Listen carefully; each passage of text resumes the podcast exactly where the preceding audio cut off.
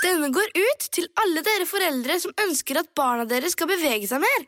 Bare husk på dette lille verset. Bort med mobilen alle mann, så drar vi til Leos lekeland. Lek så mye du vil til 20. juni. Gå ikke glipp av tilbudet Springpass. Vi ses på Leos.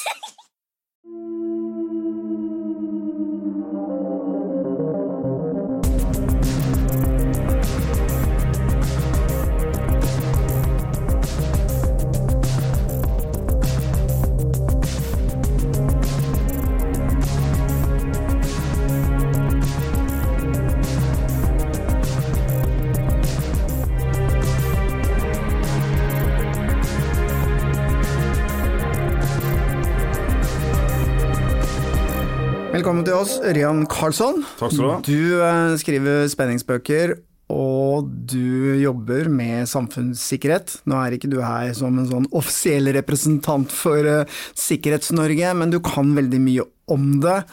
Og denne Ukraina-krigen, Ukraina-Russland, det er jo veldig høyt oppe i eh, hodene til folk om dagen. Det snakkes om atomtrussel, redsel for atomkrig, kartlegging av norske farvann. Det er mye å snakke om her. Vi ønsker å avhøre deg litt i forhold til disse tingene, for å prøve å ja, bli litt klokere og forstå litt mer av hva som skjer, og ikke minst kanskje få en litt mer hva skal vi si for noe, rasjonell tilnærming til denne frykten, da, for det er mye følelser. Man blir jo redd, rett og slett. Men aller først, eh, hva tror du er sjansen for at det blir atom eller en krig med atomvåpen, da? Ja, altså jeg tenker Vi må skille mellom atomkrig og eventuell bruk av atomvåpen. En, eh, en atomkrig som i det gamle skrekkscenarioet tredje verdenskrig, den eh, tror jeg er ganske så fjern. Uh, vi kommer sikkert inn på det etter hvert, men uh, kanskje stikk i strid med hva man skulle tro, så er Putin en relativt rasjonell aktør. Uh, og, og, en den type krig har han nok ingenting å kjenne på. Men problemet med krig er at det er uforutsigbart. Når det først har begynt, så kan den ene hendelsen ta den andre. At det skal bli brukt taktiske kjernevåpen. Jeg tror jeg skrev i en av mine oppdateringer at når jeg er mest mørksyn, så tenker jeg at det er sånn 10% sannsynlighet for det. Og Hvis man ser på de gangene tidligere der man har hatt en form for kjernefysisk trussel, f.eks. Cuba-krise er jo den mest kjente, men det finnes andre eksempler òg, så er 10% ganske så høyt. Så, så, det tror jeg ikke vi kan utelukke. Og det handler litt også om at når du begynner å true med å bruke atomvåpen, altså taktiske, så mange ganger som Kreml har gjort, så kan man få følelsen av at på et eller annet tidspunkt så vil dette bordet fange. ikke sant? Men hvordan vil en sånn bruk av atomvåpen foregå? da? For Det bildet de fleste har i hodet, er jo liksom totalutslettelse mm. av en by. Ja. Men det du snakker om her, er noe annet? Ja, vi må nok bort fra altså, De aller fleste har sett uh, bildene f.eks. fra Hiroshima eller Nagasaki etter at man, man brukte kjernevåpen der. og Det er den eneste gangen man har brukt det i, i krigstid. Et taktisk atomvåpen som eh, de militære ofte kaller for slagmarksvåpen. Da. Eh, det kommer i mange størrelser. De største kan nok ta en større del av en by. Men, eh, men forestill deg at du ønsker å slå til mot et ganske begrenset område, f.eks. på størrelse med en fotballbane, f.eks. Uh, Nå må ikke noen som uh, Nå må ikke Vålerenga-tilhengerne deres ta, ta, seg nært av dette, men altså ca. det området der uh, kan du fint klare å fjerne med en veldig liten uh, taktisk ladning. Hvor, hvor, stor er den da? For den der, De bombene de brukte i Japan var jo sånn ja, et halvt tonn? Ja, ja og de, du måtte ha de største bombeflyene både pga. løftekapasitet, men også ikke minst pga. rekkevidden. ikke sant? Ja, Disse her får du helt fint i en 155 mm artillerikanon, ja. som faktisk er omtrent det samme som, altså den samme typen som, som, vi hadde i Forsvaret en stund. Slik at du kan gjøre dem veldig, veldig små. Og det var jo når man begynte å utvikle disse våpnene, at man også begynte å snakke om disse såkalte koffertbombene. ikke sant? Man faktisk kunne ta med seg en kjerne fysisk ladning og bruke den til terroristformål. Så det var jo mye snakk om det når uh, Sovjetunionen uh, gikk i oppløsning. Hadde man kontroll på disse våpnene? ikke sant? Så det var jo en del av den bekymringa. Men siden da så har det egentlig lagt litt dødt. Det man tror er at Russland har omtrent 2000 av disse taktiske våpnene i ulik størrelse. Eh, og disse er som andre kjernevåpen låst ned og beskytta frem til man bestemmer seg for å gjøre dem klar til bruk. Ok, Men hvilke konsekvenser, hvis du, du sier en fotballbane høres jo ikke så ille ut, da, men vi har jo liksom i hvert fall hørt, skjønt at uh, å liksom fyre av sånne ladninger har jo en annen konsekvens også, altså radioaktivitet, radioaktive skyer. Uh, hvilke konsekvenser utover å ta vekk den fotballbanen vil du da få, da, hvis du bruker et sånt våpen? Ja, altså, igjen, Jeg er ikke ekspert på dette, men jeg vet i hvert fall litt. Uh, det vil jo helt åpenbart få radioaktivt nedfall. Uh, spesielt, altså Dette fester jo seg ofte til steinstøv og, og bygnings... altså Alle de småpartiklene som blir etter en stor eksplosjon. og så vil man jo ganske raskt, hvis det er f.eks. litt regn eller det blåser i en retning som ikke er så farlig, så vil jo en god del av dette forsvinne relativt raskt. Det er klart Man kan være uheldig at det blåser i motsatt retning, f.eks. mot et tettbebygd strøk. eller noe sånt, og da vil, da vil, situasjonen bli verre. Eh, og Dette var jo også scenarioer som man snakker om når man snakker om skitne bomber, som ofte er ei bombe laga av radioaktivt materiale der formålet bare er å spre det. Altså Det er ikke en kjernefysisk eksplosjon, men det er spredning av, av, radioaktivt materiale. Og Hvis man gjør det i en by, så vil man få ganske store problemer. For det skal jo liksom, man må prøve å finne dette. Og bare kontakt med noen få av disse partiklene kan være dødelig på sikt uh, for mennesker. Sånn at uh, misforstå meg rett, man kan ha en mindre Eh, eksplosjon. Ta en bydel eller ta området med en fotballbane eller alt det som er imellom. Men konsekvensen blir jo langt større utover selve den, eh, den eksplosjonen. Og så tror jeg at vi skal altså man, I hvert fall sånn som jeg forestiller meg det, så vil man ikke bruke atomvåpen sånn. Man vil eh, sannsynligvis først vise veldig tydelig at man klargjør disse enhetene som skal bruke dette. Så det er godt mulig at man vil rasle med sabelen i form av en eh, prøvesprengning et eller annet sted. Hvis ikke det hjelper, så kan det tenkes at man setter av en sånn ladning f.eks.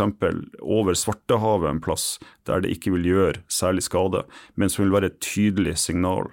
Og Det er noe man har snakka om tidligere. For så er det mange som har sagt at disse sabotasjen mot gassrørledningene har vært signaling, altså en signalisering fra eh, russisk hold om at vi har både evne og vilje til å gjøre disse tingene.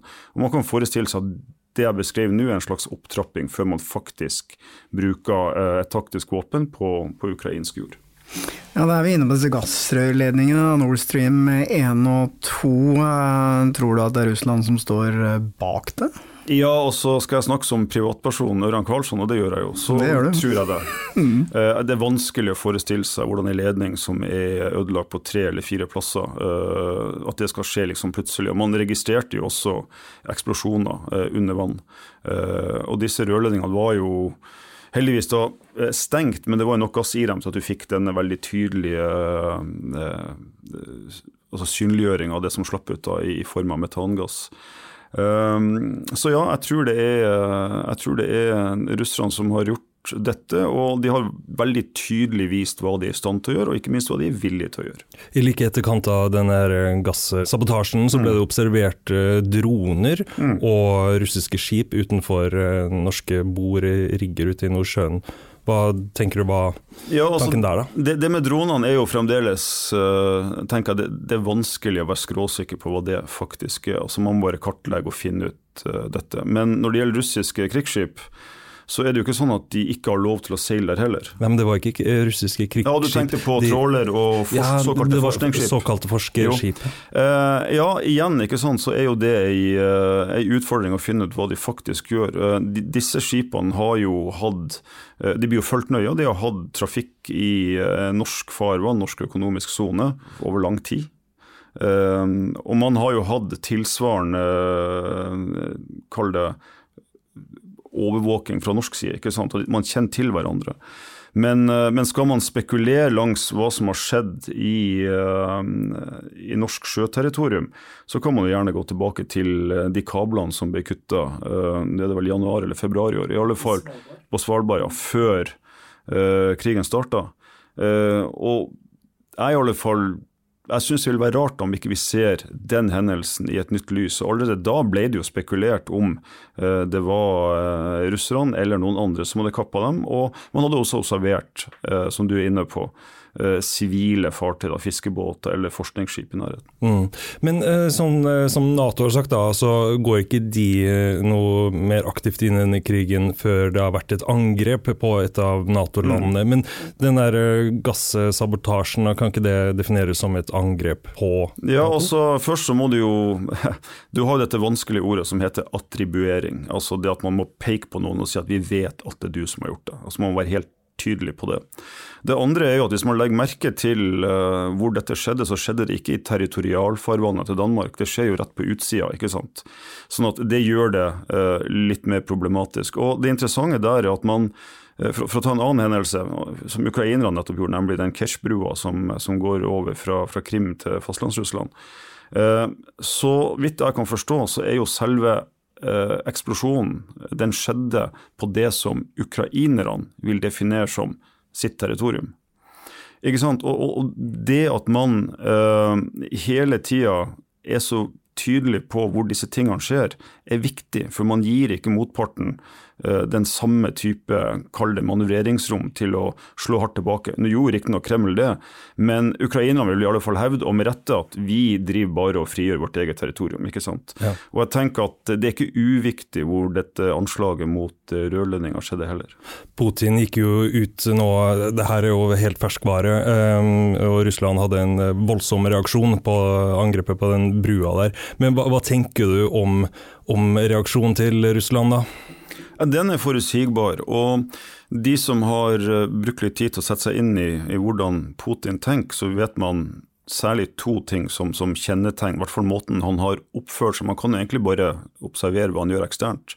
Det er noen som har prøvd å fjernpsykologisere han, og jeg tror det er veldig farlig. Spesielt hvis man har på seg vestlige, rasjonelle briller. Men Putin har egentlig helt siden uh, vi har de tidligste kildene knytta til han, så gir han seg aldri. Hvis han kan, så eskalerer han istedenfor. Slik at uh, du får da denne sjokkeffekten også, at hvis du ønsker å bli med på denne galeien, så må du faktisk overgå det han gjør, og så har du denne tripp-trapp-tresko-greia. Som jeg tror han har lykkes godt med. Ehm, det første han gjorde når han gikk på som eh, president i 2000, var jo at han uh, gikk inn i Tsjetsjenia for andre gang. Du får den andre Tsjetsjenia-krigen. Det hadde vært en katastrofe for russerne under Jeltsin når de gikk inn i den, uh, i den uh, republikken den første gangen. De russiske soldatene kom hjem og hadde blitt ganske så mørbanka av det som han da så på som opprørssoldater som var ganske dårlig utstyrt. Putin gikk inn, og så mer eller mindre raserte han Grosny fullstendig. altså Laga parkeringsplass av byen. Eh, og FN sin generalsekretær på den sida, tida, eh, altså på 2000-2003-2004, kalte Grosny for den mest ødelagte byen i verden. Eh, og det sier litt. Grunnen til at vi så sjelden snakker om det, det finnes nesten ikke noe fotomateriale fra dette, på lik linje med det vi ser nå fra Ukraina. Eh, men det sier noe om hvordan han bare går inn og sier at ok, dette er måten jeg tar det her på nå, eh, og da fikk han det som han vil. Han gikk inn i Georgia etterpå, eh, fikk det som han vil der også. Han har hatt en tale på sikkerhetskonferansen i München, det tror jeg er 2007, der han også er veldig tydelig på hva som er hans røde linje. Sånn at hvis man ser på det på den måten, så kan man ikke være så overraska over når 2014 kommer og, og han går inn og tar Krim og laga ufred i Donbass. Og så kan man være noe mer usikker på hvor godt forberedt 2022 eh, var med tanke på det overmotet som skal til å gå inn i et land på over 40 millioner mennesker. Eh, men det er jo, tenker jeg, en for historiebøkene. Men hva er det egentlig han ønsker å oppnå med alt tingene? Uh, dypest sett så tenker jeg at han ønsker å oppnå uh, en uh, slags gjenskaping av tsar-Russland. Eh, og Ukraina, ifølge måten Putin og den indre kretsen ser på historien på, har alltid vært en del av, eh, av, Russland og lagt under Moskva. Hvis du leser historien litt, så ser du at det er jo ganske så motsatt. Altså, Kyiv som stad oppstår jo før Moskva gjør det. Eh, og Kyiv som konge eller fyrstedømme er mye sterkere, mye tidligere enn det Russ eller Russland eller Moskva er. Eh, men så skjer det et par kriger, som det ofte gjør, som gjør at man mister makta der etter hvert. Uh, slik at uh, man har tenkt på Ukraina som Lille-Russland, egentlig. Altså Det er en nærmest uløselig del. og Det var også dette som var det vanskeligste punktet under oppløsninga av Sovjet. Hva skulle man gjøre med, med, Ukraina? Ikke minst fordi at de hadde her kan det hende at jeg tar litt feil, men jeg tror det var en fjerdedel av det russiske kjernefysiske arsenalet.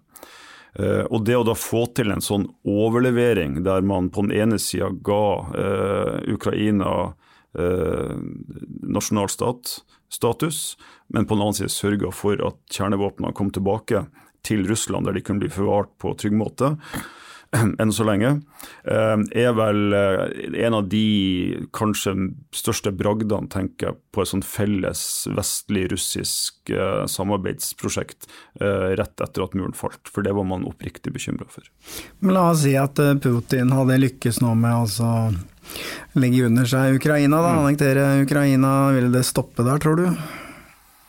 Ja, til en viss grad ved å altså Det signalet sendte han jo egentlig allerede når han gikk inn i Georgia, når han, gikk inn i, når han tok Krim. Det er at uh, når Nato kryper nærmere, så må vi ha en buffer, ikke sant. Uh, Ukraina for han vil jo da ha vært den bufferen, og det vil samtidig ha vært et signal til de andre stanene, altså Aserbajdsjan og, og, de som også ble løsrevet. Uh, Kirgisistan og alle de her. Uh, at det er ingen vei til Vesten, i hvert fall ikke til Nato. Eh, det bør dere ligge unna.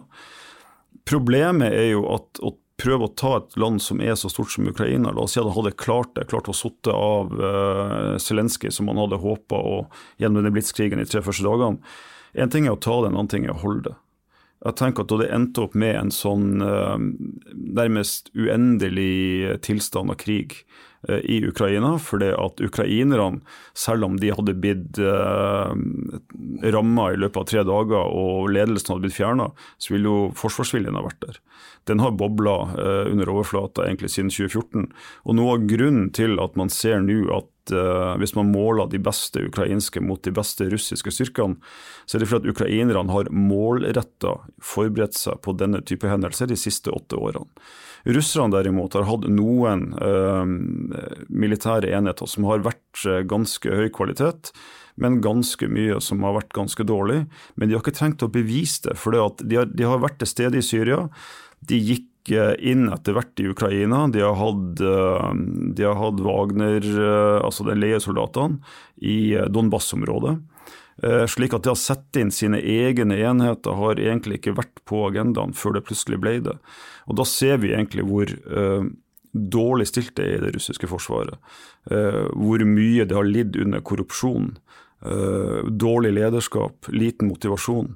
Ja, og veldig dårlig utstyr. De kjører rundt i noen sånne gamle skranglekasser fra eh, 60-tallet av noen tanks, og man har disse missilene som sprenger eh, lekplasser og, og, barnehager og teater og ja. sånn. Eller er det gjort med hensikt? Ehm, jeg tror at den type angrep du så i, ehm, i går, eh, som en uh, motreaksjon mot uh, sprenging av brua. Det var ren terror, det er ikke tvil om det.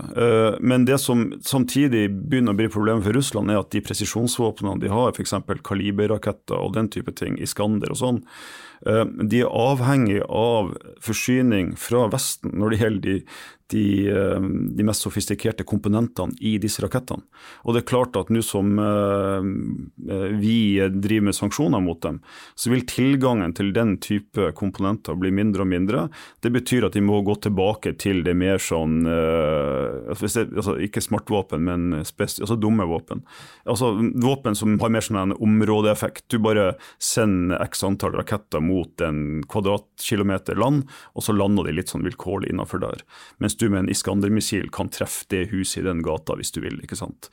Eh, sånn at eh, Det vil nok i større og større grad bli et problem for russerne. At disse eh, sofistikerte våpnene deres vil de ikke klare å reprodusere innad i Russland fordi at de mangler komponentene. Altså chips og disse mer avanserte delene. Jeg så jo en video etter denne mobiliseringsordren Mm. av noen soldater som eh, de sto der i noen gamle uniformer og rustne AK-er og, og måtte kjøpe sovepose selv og kjøpe noen tamponger for å stoppe skuddskade. Hva sier det om eh, Russlands eh, krigsevne, egentlig? Det, det sier to ting. Jeg tror kanskje den, den, den viktigste greia det sier, er at man har hatt en annen idé om hva reserviststatusen ute i republikkene er i uh, Kreml, Moskva, enn det den faktisk er. Jeg tror det vi ser her nå, er uh, korrupsjon i praksis. Altså disse store lagrene, dette utstyret, det man skulle ha hatt klart. Det ville ikke ha vært sånn, helt sånn supermoderne, men godt nok. Det eksisterer nesten ikke. Uh, og man har dårlig med befal til å trene dem opp, som man også har sett. Og noen plasser så sover de jo jaggu meg ute i skogen fordi man ikke har kaserner sånn å være i. Uh, og det tror jeg også man, man, egentlig begynte å se allerede når man skulle sette opp avdelinger som var relativt ny. Når man skulle sende ut utstyr til de, sånn, dette er i sånn mars-april i år, så mangla man ofte Ofte så var det som skulle være på lager, ikke på lager. Uh, og det man fikk var ødelagt, selv om det hadde stått på lager. Uh, så um, det har alltid vært spekulert i om det har vært korrupsjon uh, i, Russland, og vi vet det har vært det, men at den skulle være så ødeleggende, det tenker jeg er overraskende for mange. Hvis man går inn og leser uh, det russerne lærte, dette er russerne sine egne nedtegnelser fra krigen i Georgia i 2008, så finner man følgende. De hadde dårlig situasjonsforståelse, dårlig kommunikasjon mellom avdelingene, sambandet fungerte ikke. Georgiske styrker som var i faste, altså permanente stillinger, som alle visste var der, kom overraskende på den angripende armeen. Og russerne hadde mye større tap relativt sett enn det de gir inntrykk av. Slik at etter Georgia så bestemte Russland seg for å foreta en modernisering. modernisering. Den gjorde de, holdt, holdt på det med i tre år, og de fjerna også en del gamle generaler.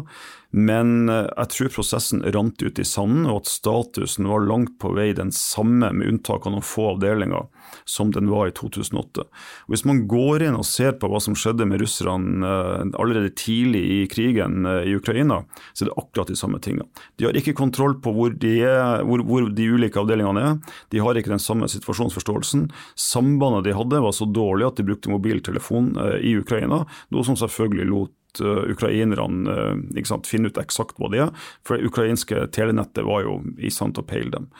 Så masse sånne feil som man allerede vet om, som bare dukka opp igjen i en krig eh, 14 år senere. Og det er ganske besnærende eh, å si en god del, tenker jeg, om den egentlige slagkraften til den konvensjonelle delen av det russiske forsvaret. Mm.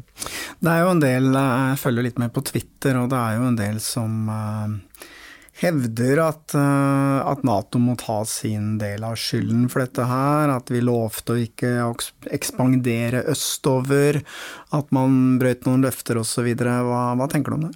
Uh, det er en, uh, en veldig interessant episode der uh, forhandlingene om å få For det første begynte med at kan Øst- og Vest-Berlin gjenforenes. Det var liksom det første som sto på agendaen når, når muren var i ferd med å, å falle, og man aner at det kunne gå mot noe mer. Og Da sa James Baker, som da var den amerikanske utenriksministeren på den tida, han lova da den som var utsendt av Gorbatsjov, at Nato skal ikke flytte seg én tomme østover. Det ble aldri skrevet ned. Uh, og det ble aldri ratifisert. Og når man gikk videre i forhandlingene, ikke sant? Når, man, når man fikk uh, når Sovjetunionen brøt sammen, når man fikk dette samveldet av uavhengige stater, uh, så kom det aldri opp igjen. Når Gorbatsjov satt på den datsjaen oppe i, i Hviterussland sammen med den hviterussiske og den ukrainske presidenten, og fant ut at er ikke det best at de bare oppløser hele, hele bøtteballetten. Så det er de tre som liksom ble enige om det, og så ringte de Gorbatsjov på morgenen og sa hei, dette er det som skjer nå. Og de de facto egentlig satte avsatte han. Og da var det heller aldri noe snakk om at man ikke skulle flytte innover, Eller flytte Nato østover. Men det man veldig fort så, var jo at en, en god, man, altså Nato, eller Vesten, da, hadde et valg.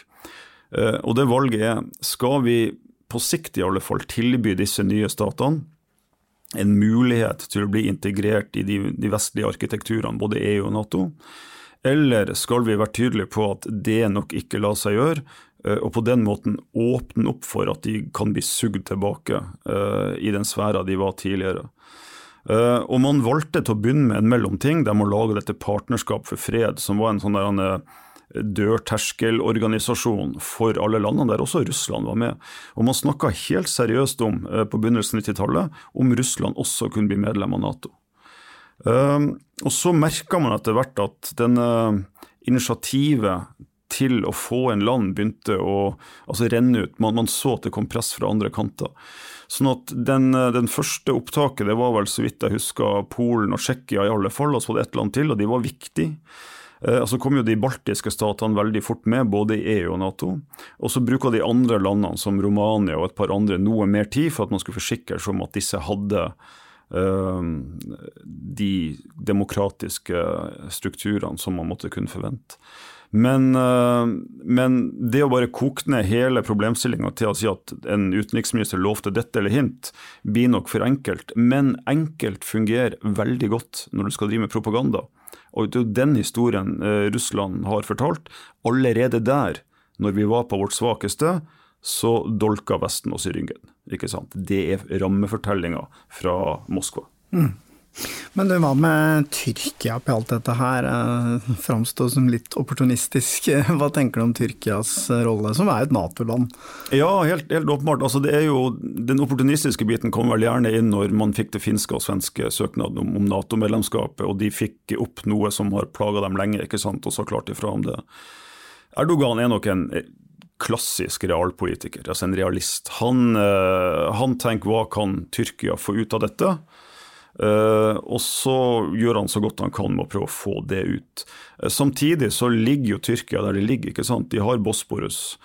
De er portalen i, ut og inn av Svartehavet. Uh, og de må forholde seg til Russland på en eller annen måte. Så det er også i Erdogan sin interesse, tenker jeg, at han egentlig på lik linje med Norge, som, som ligger der vi ligger, at ikke vi ønsker å brenne alle bruene. Det må være en dialog. Og I så måte så tenker jeg at Eh, både, altså, særlig Tyrkia kan og har allerede spilt en viktig rolle. Uh, I alle fall med å holde dialogen i gang. Og så vet jeg jo ikke hvor mye Putin velger å lytte på han. Men, men, det er klart det er jo litt besværende når du ser, så vidt jeg husker, Erdogan og Putin, og det var vel visselig den iranske presidenten som møtes ikke sant, i Teheran, så er det en sånn altså Sett fra Vesten i alle fall, så er det en sånn treenighet som du kanskje syns er litt odd, da, for å bruke et forsiktig uttrykk. Hvorfor gjorde Tyrkia seg så vanskelig ja, i den situasjonen? De, de mente at, at, Tyrkia ble behandla annerledes av særlig Sverige og til en viss grad Finland enn andre europeiske land, ved at man hadde dette eksportforbudet knytta til våpen, og at man også så på eh, eh Altså man, man beskytta eh, det tyrkerne ser på som terrorister i Sverige. Eh, og dette er, noe som, dette er jo ikke ukjent, dette er noe som Tyrkia har vært tydelig på lenge. Men plutselig så var det en situasjon, nemlig at de kunne sette ned foten for et svensk og finsk medlemskap, eh, hvis de ønska. Og det er en ting som i hvert fall jeg har erfart, eh, at, at folk tenker sånn Nato har artikkel 5. ikke sant? Én for alle, alle for én. Men det er en sannhet med modifikasjoner. Eh, hvis et Nato-land, bare ett, sier at nei, jeg ser her nå at Norge ønsker en artikkel 5-aktivering fordi at noen har vært og sprengt rørledninga vår. Så kan f.eks. Romania eller Tyrkia eller Polen for den saks skyld, altså nå tenker jeg bare på vilkårlige land, jeg legger ikke mer i det, de kan si nei, dette tror vi ikke. Egentlig så har Norge pga. ikke god nok beredskap eller hva de måtte finne på å si, skylda i dette sjøl. Vi kan ikke starte en artikkel 5-aktivering. Og da blir det ikke.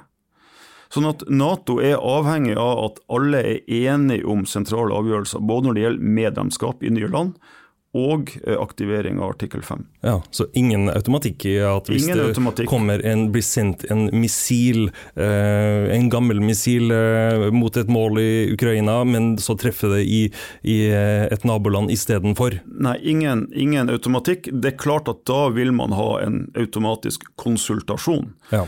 Eh, men hvis f.eks. Ungarn da rekker opp hånda og sier nei, eh, dette syns vi ikke eh, gjør at vi må aktivere artikkel 5, så blir den ikke aktivert.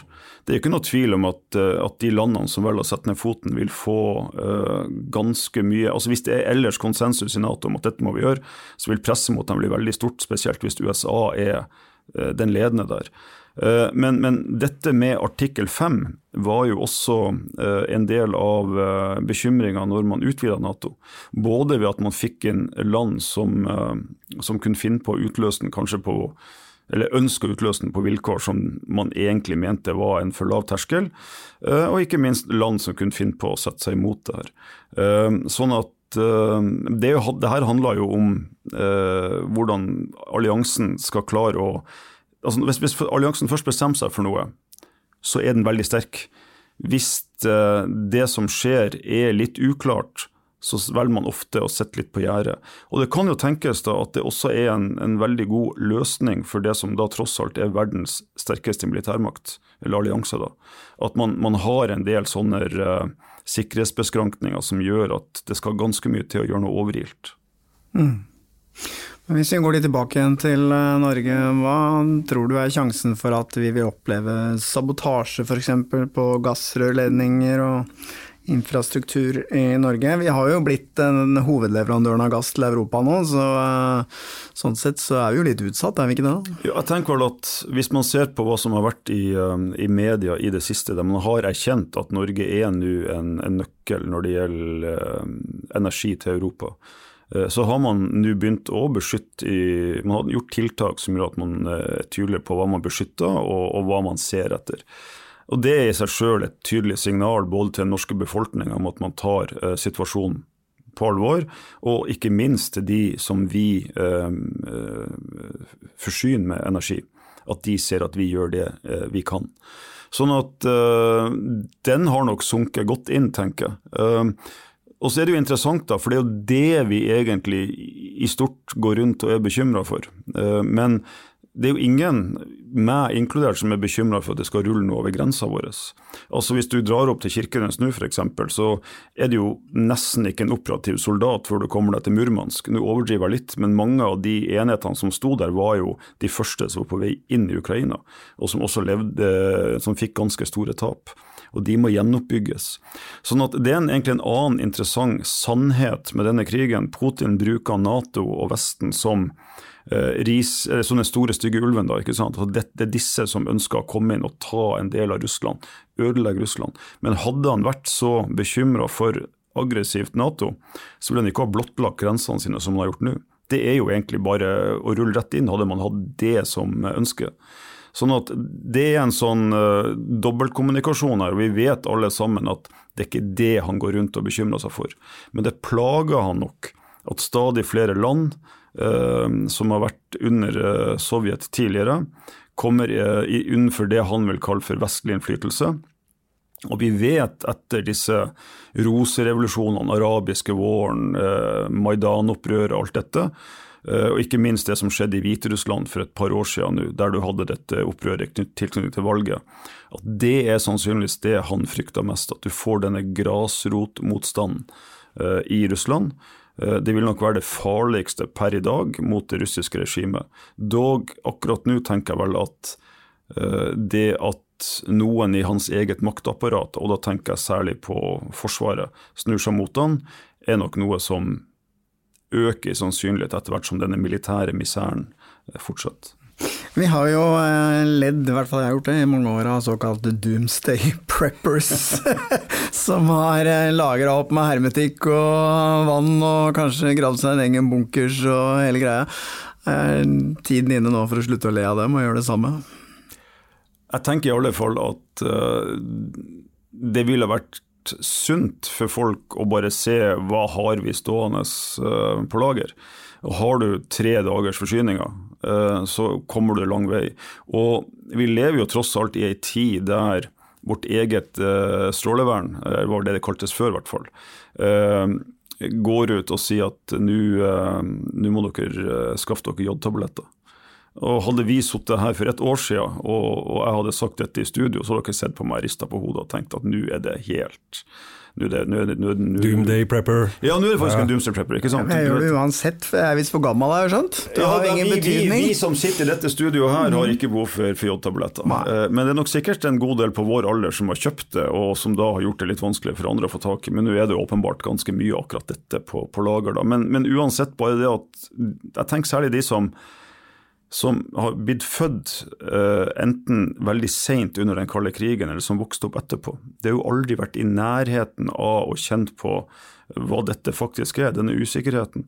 Jeg husker jo sjøl når, når muren falt og Sovjetunionen ble oppløst og eh, beredskapen ble senka i Norge, ikke sant? så var det jo noen, det, det føltes jo som noen fjerna en ryggsekk som du ikke visste du hadde gått med. Altså Man blir letta, man har liksom levd under dette, denne muligheten for atomkrig. Og det at vi nå i alle fall har fått smaka litt på følelsen igjen, både ved at det trues med taktiske våpen, og at det utkjempes regulær krigføring eh, rundt kjernefysiske reaktorer, det er klart at det gjør folk bekymra. Og da tenker jeg at det egentlig bare er sunt å se åssen beredskap har vi hjemme. Hvis eh, Har jeg noen i familien min som trenger medikamenter ikke sant, over tid? Har vi, har vi nok av disse hvis det skulle skje noe? Eh, og da tenker jeg tre til fire dager, å ha det som en sånn sikring. Og vite hvem du eventuelt skal ringe din familie hvis noe skjer, det tror jeg bare er sunt. Det, det er aldri galt å være forberedt. Det som kanskje er å trekke det litt for langt, er hvis du plutselig går ut med spaden i hagen og begynner å lage deg en bunkers. ikke sant? Det, Nei, men jeg må i hvert fall ut og handle, veit jeg. For dette har jeg tenkt på lenge, men har egentlig ikke gjort noe med det. Så det er kanskje greit med noe hermetikk og noe vann og Ja. noe lys og noe noe, og greier. noen førstehjelpssaker og noe sånne ting. Jeg tenker at det er ikke dumt. Helge, har du eh, forberedt deg? Jeg har noen uh, jerrykanner uh, klare, de tomme, da. Den, eh, Så er jeg litt sånn usikker på om jeg skal ha bensin på de, eller vann. Må man liksom eh, ha, komme seg fort av gårde eh, ut av byen her, eller skal man sitte og drikke, drikke vann på, i leiligheten? Jeg, jeg tenker at der skal jeg være så, der skal jeg være så uh, kjedelig å si at det gjelder å lytte på hva myndighetene forteller deg, gitt. De sier vel ikke 'lagre masse bensin i uh, boden din ned- nede i felle, fe, felles bodområde'? Du kan være helt sikker på at de kommer til å si akkurat det. så nei, altså Jerrykanner med drivstoff eh, på hver, eh, hver lagerbod i ei eller annen blokk, det er en fryktelig dårlig idé. Ok. Ok, vi tar det til oss. Jeg må hjem og fjerne noen bensinkanner, hører jeg. Jeg lurer litt på, for Etter at denne mobiliseringsordren i Russland kom på 300 000 mann, så har man jo sett at det er en del eh, unge russiske menn som har forlatt Russland, og da har kommet til Europa også. Hvilken garanti har vi for at eh, disse menneskene bare er uh, stikkere og ikke har liksom intensjon om å finne på noe sabotasje osv. videre i Europa. Hva har man tenkt gjennom det i det hele tatt, tror du? Garantert tenkt gjennom det, og det finnes jo ingen garantier. Men jeg tenker at man er, man er nok veldig bevisste. Og så tror jeg det er veldig grovt to kategorier man da er oppmerksom på. Det ene vil være de som allerede har en tilhørighet f.eks. i sikkerhetstjenestene. Så man sikkerhetstjenestene bruker denne strømmen av eh, mennesker opportunt for å se om man på sikt kan høste inn fordeler av det. ikke sant? Ved at man da får sånne sleepers, eller folk som kan bistå i sabotasje, eller hva det måtte være. Det tror jeg man er veldig opptatt av. Eh, Men det andre er jo om det finnes eh, unge mennesker som ikke har det som hensikt, men som over tid får seg eh, blir f.eks. ansatt eller får seg jobb i et eller annet firma som kan ha en kritisk verdi. Eh, enten for landet eller for den regionen det firmaet tilhører, eller de kan ha teknologi som er interessant. Da kan de bli brukt eh, som ufrivillige agenter ved at man presser f.eks. familien deres hjemme i Russland. Um, sånn at da har, man, da har man gjort seg sårbar på en annen måte. ikke sant? Og Vi vet at dette har skjedd både med, uh, med iranske studenter i Norge f.eks. Og jeg vil, i hvert fall sånn som hvis du ser på den måten og det menneskesynet regimet til Putin har nå, så er det klart at de kan finne på å gjøre noe sånt hvis de ser seg tjent med det, gitt der vedkommende er.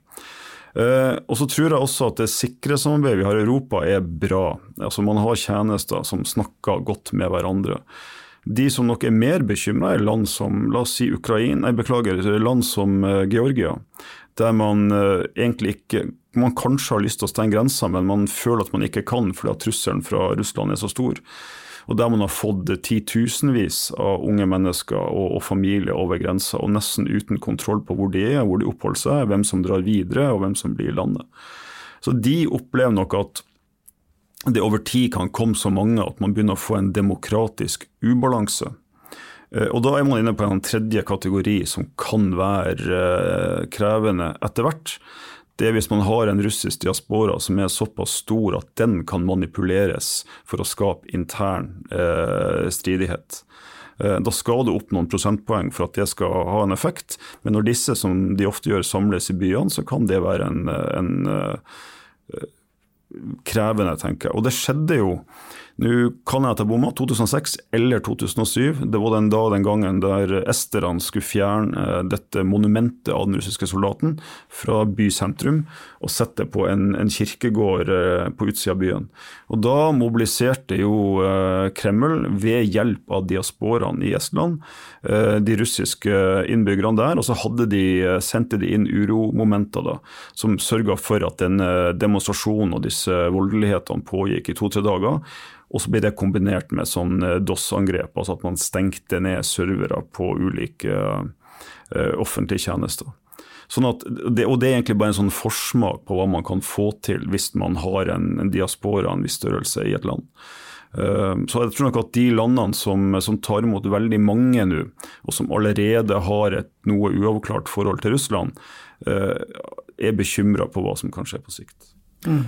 Uten å vite det for sikkert, så fremstår det for min egen del som at de mennene som kommer over grensa nå eh, til Norge fra Russland, er folk som eh, har sittet og sett på krigen og ikke blitt bedt om å, å være ute og krige, men så plutselig eh, går det opp for dem at eh, herregud, jeg kan bli sendt i krig. Det, det, har jeg ikke tenkt til, så da stikker de av. Ja, ja og hvis jeg, hvis jeg, var sånn tydelig på at alle som kommer over er farlige, så tenker jeg at en veldig liten prosentandel av de som kommer over, uh, har uh, hensikter. De aller fleste uh, ønsker ikke noe med krigen å gjøre. Og så tror jeg også at man har uh, levd i en tilstand til å begynne med der man tenkte at dette blir håndtert innenfor det militære. Det er ikke noe problem for oss. ikke sant? Krigen er noe som skjer en annen plass.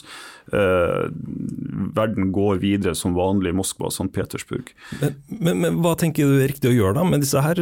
Man, skal man stenge grensa, sånn at de holder seg i Russland da, og eventuelt, men da er jo to alternativ. Uh, enten så går det i krig, eller så burde de jo skape et opprør. da mot uh, sine egne Ja, uh, det er jo Det er åpenbart et dilemma. Uh, det er ikke grunnlag sånn i utgangspunktet for å søke politisk asyl fordi at noen ønsker å få deg inn i verneplikten igjen. ikke sant? For det er jo en sånn grunnlovfesta greie også i Russland. Uh, og så vil det selvfølgelig være variasjoner. Du kan pårope deg at du f.eks. er uh, pasifist, uh, og du ikke får den beskyttelsen du trenger i Russland, og så kan man sikkert ha en eller annen greie i et vestlig land som vil gi deg politisk asyl. Men, men, men, det der er jo et dilemma, for det at, og det er en ting til. altså De som reiser nå, er jo ofte godt utdanna unge mennesker. ikke sant? Så for Russland i seg sjøl er jo dette uheldig på sikt, hvis ikke disse kommer tilbake igjen. Og som du sier, hadde man hatt en noe større eh, aktiv motstand i Russland mot krigen, så vil disse også kunne ha gått inn som en komponent der. Men, men det er klart at det har blitt slått ned så hardt på så tidlig at, eh, at det er forståelig at mange av disse nå faktisk ikke tør. Men uh, det er lett for meg å sitte i et studio i Oslo og, si, og kritisere andres mot eller mangel på det. Men hvis ikke disse kan stå opp mot regimet, hvem kan gjøre det da? ikke sant? Så det er jo det er litt sånn håpløs situasjon uansett. Og da er vi liksom tilbake til at kanskje de som kommer til å forandre dette, hvis det skjer, innenfra, er en del av den samme gjengen, bare da med et nytt ansikt som ikke er Putin. Og da er jeg også usikker på hvor langt har vi kommet da. Det vil kanskje få en periode med normalisering, men uh, hovedutfordringa vår går jo ikke bort. Mm.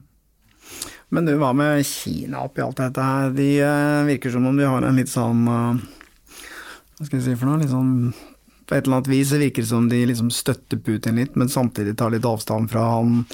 Eh, hva tenker du om Kinas rolle oppi dette her? For de er jo ganske viktige for Russland? Ja, Det, det er vel en understatement, tenker jeg. Er, de, er, de, er, veldig viktige for Russland. Og de er også veldig viktige for Vesten, og Vesten er veldig viktig for Kina. Uh, Kina har valgt en helt annen måte å, uh, å uh, øke sin makt og innflytelse i verden på. Så man har utvikla en en økonomisk muskel og en teft for å både kjøpe opp og inngå samarbeid med strategiske partnere, eh, både langs den, det som blir den nye Silkeveien, ikke minst når det gjelder råstoffer fra Afrika. Eh, Sør-Amerika er de også aktive i, og Europa er superviktig som handelspartner. Eh, samtidig så ønsker de jo ikke å dolke Russland i ryggen, og de ser også muligheter kineserne ved at man får, å, man får kjøpt en god del Eh, som, eh, som, Russland ikke får solgt til Vesten nå. Men man skal, så vidt vi vet, så har ikke kineserne ennå solgt russerne våpen. Eh, og Det er et tydelig tegn på at dette er noe de tar på alvor. Eh, Russland, beklager Kina, forrige gang det var avstemning i Sikkerhetsrådet, stemte blankt. Og jeg leste en artikkel for et par uker siden som har skrevet av Erika Fatland, som også er god både på Russland og Kina. Der hun skrev at Russland har egentlig gjort seg sjøl til en vasallstat under Kina. Og jeg er enig med henne der. Og det er egentlig veldig interessant, for det at det verdensbildet som eksisterte, både eh, særlig under når, når Sovjetunionen eksisterte, som da var åpenbart den største gutten i klassen. Men også rett etter murens fall så var Russland fremdeles en, eh, en type aktør som, eh, som, eh, som, nok følte seg Kina overlegen. Det har helt snudd nå. Ja, Det er jo interessant, fordi det betyr jo at Kina har ganske mye påvirkningskraft i forhold til Russland. Tror du Kina vil akseptere at Russland bruker taktiske atomvåpen? Jeg tror i hvert fall at Kina vil eh, Altså akseptere og ikke, Jeg tror i alle fall de også vil reagere veldig hardt på det, men godt mulig på en måte som ikke blir like synlig for Vesten. At det går direkte mellom, mellom lederskapet i, i, Moskva og Beijing. Ehm, den, rust, den, kinesiske økonomien er avhengig av vekst. For det at løftet som Xi, altså president Xi har gitt til sin befolkning, er jo at man skal ha fortsatt velstand og fortsatt eh, økning. Og så har man hatt to år nå med med covid, med korona, som har ramma Kina ganske hardt. Det har hatt disse helt brutale nedstengningene. Så jeg tenker at også eh, lederskapet i Beijing, og særlig Xi, ser at hvis vi nå får en, eh, en resesjon i verdensøkonomien, så vil det slå ganske hardt utover, eh, eller gå hardt utover Kina. Og kan få store konsekvenser hvis det skaper misnøye, spesielt i den nye borgerklassen. Så verdenshandel å opprettholde dette på et nivå som er rimelig, selv om vi akkurat nå er i en situasjon som er vanskelig globalt, er i kinesernes absolutte interesse. Og hvis russerne gjør noe som eh, kan rokke ved det, som f.eks. Eh, begynner begynne å bruke kjernevåpen, så tenker jeg at, eh, at det vil få et ganske heftig motsvar. Og det Uh, ikke militært nødvendigvis, men man kan miste en støttespiller og man kan bli enda mer isolert. Og vi er nå i et knekkpunkt, tenker jeg, der de sanksjonene som vi innførte ganske tidlig, nå virkelig begynner å virke. Det er jo det som er utfordringa med sanksjoner. Du innfører noe den ene dagen, og så er du utålmodig og tenker at neste uke så merker russerne dette. Men det er nå de begynner å merke det. Eh, også nå når vi går inn mot vinteren. og Vi snakker om at vinteren blir kald i Europa. Det er jo ikke noe bedre for russerne hvis han blir kald eh, for dem heller, for det er masse de ikke får tak i nå, som de hadde tilgang på før krigen. Mm. Hvis du skal spå noe om utfallet av denne krigen, hvordan mm. tror du det ender? Altså, De aller aller, aller fleste konflikter ender jo med eh, at man setter seg ned og må forhandle. og Her gjelder det jo da å finne uh, noe man kan enes om, om det så bare er å prate sammen. Nå har uh, Zelenskyj vært tydelig at han kan ikke snakke med Putin. Uh, og Putin uh, har vel, der vi er nå, så det vel, ser det som det er helt uaktuelt for han å sette seg ned med sin motpart i Ukraina.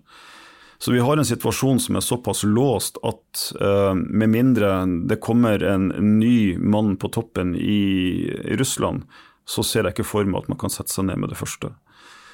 Um, og så handler det om at man må ha noe å snakke om, ikke sant. Um, og når uh, man uh, annekterte de fire nye uh, fylkene nå nylig, så tror jeg at det bare gjorde det enda mindre sannsynlig at, at man kunne sette seg ned og ha en prat om dette. Så tenker jeg at russerne mente vel at hvis de hadde fått sementert det på en måte, så kunne det ha vært et godt utgangspunkt for å ha en form for fredssamtaler. Eh, der jeg tenker at de kunne vært villige til å gi noe sånn som at autonomi. Eh, men eh, men nå har jo med den, den talen som, Russ, som, Putin hadde på fredag, var det vel, altså forrige uke, så var han jo så tydelig på at disse nå en altså Disse vil alltid være i Russland, det var noe sånt det, og det er jo skrevet inn i Grunnloven og alt dette. Så man har, seg, man har, man har gått til et par steg her nå som gjør at det å få frem eh, forutsetninger for å sette seg ned, eh, er blitt, blitt, veldig vanskelig. Og her har jo også Vesten vært tydelig på, særlig amerikanerne, på at vi kan ikke, vi kan ikke framforhandle løsning og så si til ukrainerne dette må dere godta. Um, men skulle jeg ta meg en uh, gjetning når jeg snakker, når jeg snakker altfor lenge rundt grøten, så jeg skal prøve på det. Jeg tenker at vi på et eller annet tidspunkt vil ende opp med en slags form for finsk løsning, altså det som skjedde i Finland etter vinterkrigen. Der Finland måtte avstå noe territorium, men russerne visste at de hadde gått på en smell. Eh, og der man ser nå at, eh, at finnene ved å være tålmodige og kanskje vise, vise en sånn Eh, statslederskap som jeg kanskje ikke tror vi har sett maken til i, i, i Nord-Europa, plutselig har kommet i en maktposisjon flere tiår etterpå vis-à-vis Russland. Og Det er godt gjort for å gå fra å være nøytral og ganske sånn stilletalende til å kanskje være den viktigste militære eh, makta i Norden. Eh, og åpenbart noen som Russland respekterer. Kanskje det er den veien Ukraina måtte ta. og Da tenker jeg at Ehm, en spesialavtale for det som må bli ukrainsk territorium i Donbass, eh, men kanskje med en eller annen sånn klausul om noe. Og så kan det godt tenkes at Krim vil være det som er det steget for langt. For der vil russerne kunne slenge i bordet at jo, men dette er jo et område som man egentlig bare har leid, ikke sant, eller gitt i gave til, eller det finnes masse historier rundt dette. Og at det er kanskje det man må ha som en sånn siste pris, da. Men der vi er nå i konflikten, så ser det veldig vanskelig ut. Men krig er uforutsigbart. Eh, det kan skje ting i morgen som ingen av oss som sitter her i dag, hadde tenkt på. Eh, og det kan gå begge retninger. Dessverre i det siste så har det vært til det verre, men eh, det kan snu andre veien òg. Innenfor eh, realistiske rammer, da, har du tenkt på noe sånn der desidert worst case scenario? Hva er det verste som kan skje i Europa? Altså det verste som kan skje, er jo helt åpenbart at vi får bruk av kjernevåpen. Uh, I, I, hvilken grad, da? En, en, kjernefysisk krig vil jo være ikke bare ille for Europa, men for hele verden. ikke sant? Og jeg, mener, jeg tror fremdeles at det er veldig lite sannsynlig. Men det vi glemmer av og til når vi snakker om uh, taktiske kjernevåpen særlig, er jo at uh, det finnes jo f.eks. kjemiske våpen. Eh, det finnes biologiske våpen, selv om eh, nok Russland vil hevde at de har lagt ned alle sine laboratorium, så tenker jeg vel at det er en påstand man skal ta med en viss klype salt. Sånn at det finnes helt åpenbart en mulighet for eskalering. Eh, det finnes en måte altså Et, et, et slags verstefallsscenario er jo at andre Nato-land, f.eks. de små baltiske landene, på en eller annen måte skal bli utsatt for en form for provokasjoner som gjør at vi akkurat kommer på dette bristepunktet. ikke sant? Hva skal vi gjøre, eh, hva skal vi ikke gjøre? Eh, og hvis det skulle bli brukt eh, masseødeleggelsesvåpen, altså enten kjemiske, biologiske eller atomvåpen, så må også Nato komme et svar som er så bestemt at det ikke er til å misforstå, men som ikke eskalerer ved å bruke kjernevåpen sjøl. Uh, og Der har man jo konvensjonelle våpen til det. ikke sant? Og Jeg vet, jeg så vel at Wesley Clark var det vel så ute og sa at hvis, hvis russerne skulle finne på å bruke et, eh, et taktisk våpen, så kan f.eks. Nato da velge å ødelegge den russiske svartehavsflåta. Det var vel det han sa sånn rett ut. Og det er ganske det er en ganske substansiell trussel, vil jeg si, og ganske heftig. ikke sant? Uh, og hva som da vil skje, hvordan man da vil reagere, det vet man jo ikke. For igjen, da er man inne i den uforutsigbarheten. Hvordan vil Kreml reagere? Vil de ta et steg tilbake, eller vil de ta et steg frem? Og det er her det skumle kommer inn, som, som vi snakka om innledningsvis. Putin så langt han eskalerer.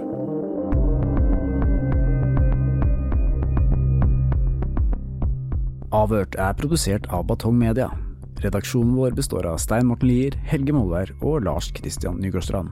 Temamusikken vår er laget av Altered States, og hvis du vil høre eksklusive episoder av Avhørt, gå inn på podmy.no eller last ned Podmy-appen.